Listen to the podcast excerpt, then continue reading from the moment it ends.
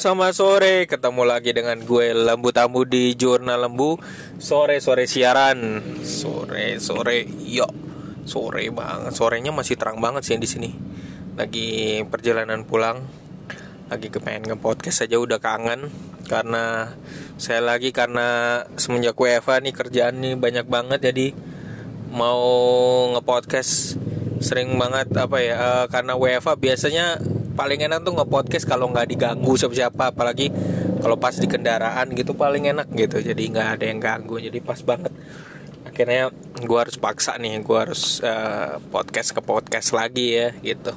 Sebenarnya sih cuman karena sering WFA aja jadi uh, suasananya uh, kurang dapet kalau nggak sambil nggak sambil apa dalam perjalanan pulang atau berangkat gitu jadi enak gitu. Dan kebetulan gue sebenarnya udah punya bahan banyak uh, jadi uh, kita nanti bisa uh, prepare juga buat langsung di sounding ya di tahun 2021 ini ya gitu. Oke kita mulai di dengan sebuah pertanyaan. Uh, ada orang nanya ke gue nih jadi kebetulan um, dia bilang bang uh, ada goceng nganggur nggak? Wah, kira-kira rekan-rekan juga pernah menghadapi mungkin hal yang sama dengan gue. Ditanya, bang, ada duit goceng nganggur nggak? Gitu, atau nggak? Uh, jeng, uh, lu ada duit lebih nggak? Ada duit di tabungan nggak? Gitu, gue perlu banget nih. Nah, ada yang kayak gitu kan? Uh, atau ayolah pinjem lah gue lagi butuh duit nih gitu nah eh, gue kalau ingat kayak gitu jadi uh, bang pinjem goceng ada duit. Goceng nganggur nggak? Goceng itu bukan lima ribu ya 5 juta maksudnya. Mau pinjem 5 juta. Biasanya gitu mau pinjem 5 juta. Karena gue kalau agak kalau pertanyaan-pertanyaan gini dari dari apalagi kalau sambil gue lihat wajahnya gitu ya gue tuh bisa nerka gitu ya kadang-kadang. Ada juga gue udah beberapa kali juga ada yang dateng bang oh, pinjem uang dong gitu. Ya gitu. Terus kadang-kadang memang gue juga gak, gak ada uang gitu. Nah, duitnya ya harus ditabung juga. Kalau gue pinjemin gue gue juga susah gitu kan nantinya. Terus ada juga per, uh, ada juga yang uh, mau tahu-tahu uh, gue ngelihat orangnya mampu tapi juga sama minjemnya bro gue pinjem dong. Ada pinjem dulu dong duit 5 juta. Tapi gaya hidupnya tinggi banget gitu. Tapi minjem 5 juta gitu. Kan kita ketahuan kalau gaya hidup tinggi kan bisa kelihatan di medsosnya kan gitu. Bagaimana uh, pergaulannya dan segala macamnya. Biasanya males banget nih kalau gue berhadapan kayak gini. Tapi ada kadang-kadang ada yang juga orang yang uh, uh, sulit gitu ya. Pasti biasanya kalau ini banget ya pasti gue pinjemin ya gitu. Nah tapi kembali lagi ini gue kembali ke hal yang utama. Kembali lagi ke pembahasan. Bang ada goceng anggur nggak gitu ya? Goceng anggur 5 juta nganggur. Pertama-tama bukan secara kita uh, kita memang makhluk sosial ya. Kita memang makhluk yang punya semangat gotong royong bukan berarti kita ini ada tarik ulur antara bukan berarti kita nih nggak mau pinjemin duit tapi kita juga harus kritis. Nah. Di sisi lain kita harus kritis. Kita nggak sekonyong-konyong. Hasil kerja keras kita juga langsung kita kasih ke orang tanpa melihat kebutuhan kita sendiri tanpa kita kritis pada um, uh, situasi kita. Walaupun dia mungkin orang yang minjem itu orang yang nanya itu mungkin benar-benar butuh duit banget ya. Butuh duit banget. So pertama-tama ketika kalau lo berhadapan dengan pertanyaan kayak gitu ya gue saranin lo harus kritis dulu lihat tujuannya apa ya gitu. Tujuannya kenapa nih dia minjem ya? Duitnya apalagi duitnya juga gede minjemnya ya kan? Alasannya apa? Kalau gue biasanya harus gue uh, terlepas rasa emosi ya siapa dia uh, terkait dengan apakah nanti dia dia itu keluarga kita keluarga deket adik atau kakak ya saudara deket ya. Terlepas dari itu kita harus bersikap kritis. Pertama itu duitnya buat apa dulu gitu. Duitnya buat apa? Lalu kebutuhannya mendesak apa enggak? Jangan-jangan pinjam uang pinjam uang itu pinjam uang 5 juta kita pikir buat keperluan yang mendesak ternyata malah buat having fun mungkin ya kan kita nggak tahu ya. Bukan kita negatif tapi sekali lagi kita harus punya uh, harus kritis gitu. Kadang-kadang kita jadi susah kalau karena ikatan ikatan emosi kadang-kadang kita jadi susah untuk nolak gitu walaupun nanti ujung-ujungnya mungkin kan eh, dari beberapa kasus yang gue alami juga dari orang-orang terdekat ya kadang-kadang ketika dihadapkan dengan persoalan kayak gitu sering kali malah justru orang yang minjem itu kagak bisa balikin gitu. Iya kan? Sekalian aja pinjam mama debt kolektor nyoba ya. Gitu. Kadang-kadang kalau misalnya uh, itu uh, ketika gue misalnya kadang-kadang nggak punya duit ya tapi gue tahu di mana pinjam duit misalnya udah pinjem pinjol aja pinjol. Tapi pinjolnya yang bener pinjaman online yang bener ya gitu. Tapi ujung-ujungnya juga nggak berani juga. Berarti yang kemungkinan besar yang minjem juga belum yakin bahwa dia bisa balikin gitu. Ya balikinnya nanti-nanti balik. Wah susah. Kalau di bank itu harus ada perjanjian kayak gitu. Komitmen. Makanya lo bisa ngutangin ke orang lakukan seperti yang bank lakuin. Pertama ngutangin ke orang yang emang utangnya itu bisa produktif gitu. Produktif dalam arti dia bisa ngembalikin dia itu dipakai secara produktif. Jadi ketika dia minjem udah tahu nih kesepakatannya. Lo yakin bahwa minjemin duit itu dia bakal bisa balikin ya begitu juga si peminjam. Harus kalau mau minjem lo harus yakin juga bahwa lo bisa balikin. Karena soal pinjam meminjam ini soal trust ya. Gitu. Ini karena minjam meminjam ini nggak mudah. Kalau misalnya si peminjam itu nggak bisa balikin ya lo jangan berusaha mungkin jangan ngutang. Gitu. Usahakan jangan ngutang. Apalagi lo ngutang sama orang yang nggak lo kenal gitu itu sangat membahayakan ya. Apalagi pinjam sama pinjol yang lu nggak tahu kalau pinjol itu nanti balikinnya duitnya mintanya gede gitu. Jadi eh, kadang-kadang memang gue sendiri jadi gemes kalau berhadapan dengan orang-orang kayak gini. Bukannya gue nggak pengen minjemin pasti juga anda juga uh, juga mengalami hal yang sama ya. Bukan kita nggak pengen minjemin tapi secara uh, logika kita dan secara analisis kita gitu ya. Kita kalau nggak yakin untuk minjemin nggak usah mendingan dari awal gitu.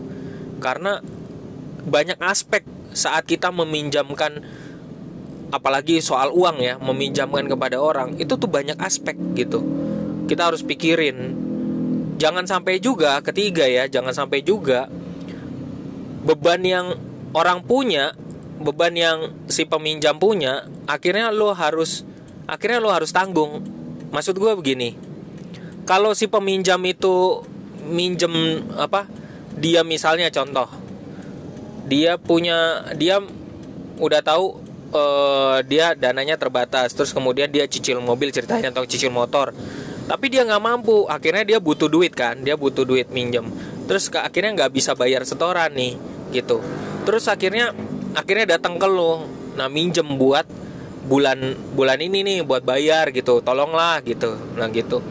Kira-kira utang lo besok udah langsung lunas lo setahu gue sih dari pengalaman itu belum tentu ya. Karena dia justru sebenarnya melakukan utang cicilan itu justru dalam keadaan kekurangan sebenarnya. Jadi sehingga dia juga nggak yakin dengan setelah minjem dari lo itu dia bisa balikin. Gue juga punya ada waktu itu kejadian juga. Ada orang tangga pas gue lagi tetangga ya pas lagi lagi gue nggak ada air wah dia dia sangat baik banget ya kasih gue air ya. Ada ini contoh kasus yang real yang bener-bener ada ya gue sampai ya ampun sampai begitu banget ya gitu.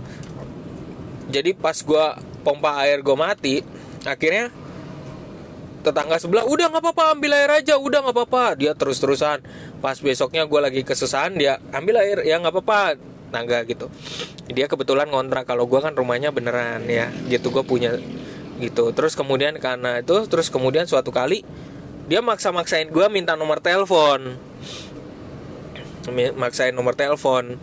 Lalu akhirnya pas di telepon itu tiba-tiba dia minta duit gitu minjem duit lah gitu. Tolongin gue lah gitu segala macam nah gue terus klarifikasi sama tetangga-tetangga yang deket yang gue tahu. Nah, deket sekitar apa yang apa namanya ibu ibu apa namanya uh, iuran iuran bulanan ya gitu. Iuran RT gitu kan. Bu ini orang ini ini bu ya gitu. Oh ternyata dia kontrak satu kontrak dua uh, ternyata punya hobi judi gitu. Sering bermasalah.